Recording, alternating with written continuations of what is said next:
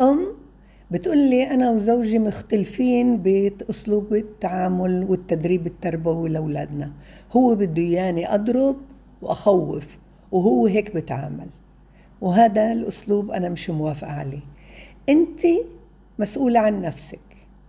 أنت أسلوب التدريب الإيجابي مأمنة فيه.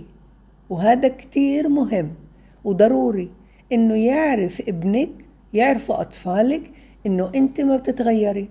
أنت بتتعاملي بإنك بتركزي على سلوك أولادك المستحب بتمدحيه وبتتجاهلي غير المستحب وبتتعاملي مع كل جيل حسب مرحلته العمرية. إذا صغار تتعاملي بالدراما مع المحسوسات وإذا كبار تمدحيهن بجلسات فردية وتستخدميش الأسلوب الجماعي ضمير المجموعة إنما مع كل واحد بتحكيه فردي بشكل شخصي. أنت إنسانة آه، آه، بتعرفي؟ وأنا كتير بحترم إنك أنت متمسكة بأسلوبك. إسا زوجك بآمنش في هذا الأسلوب وبده يضرب وبده يخوف هذا هو مسؤول عنه. هو بده يكون هاي الشخصية اللي ولاده بدهم يعرفوه فيها. وهذا أسلوب مش للأطفال ولا حتى للحيوان ولا حتى للنبات.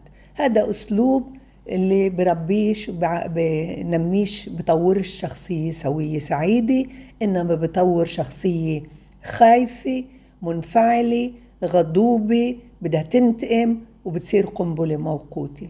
والأطفال بتعرف تصنف. بتعرف تصنف يمكن مرات كتير تقولي بس هو لما بخوفهن وبضربهن بردوا عليه أنا لا مش مزبوط مش مزبوط. هو لما بخوفهن وبضربهن هو قاعد بتعامل معهن بإنه بخليني يصيروا قنبلة موقوتة.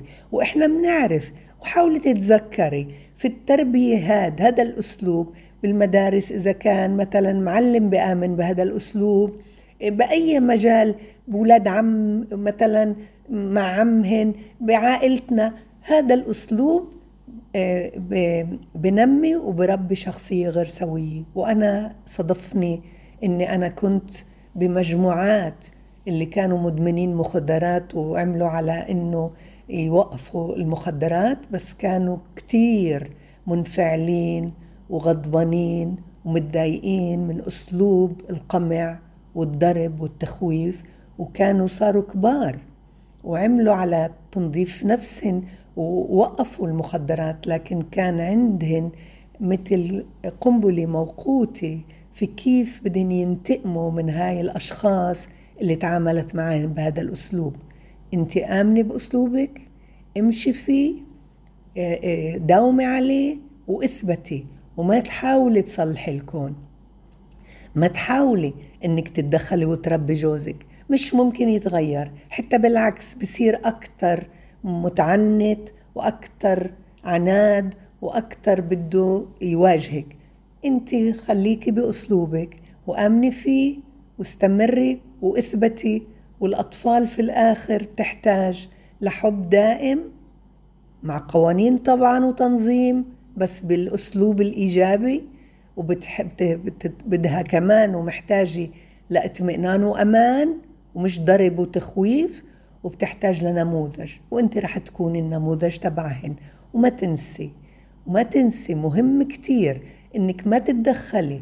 لما هو بده يعالج مسألة أنت إذا بتقدري تبعدي وما تسمعيش بيكون كتير منيح.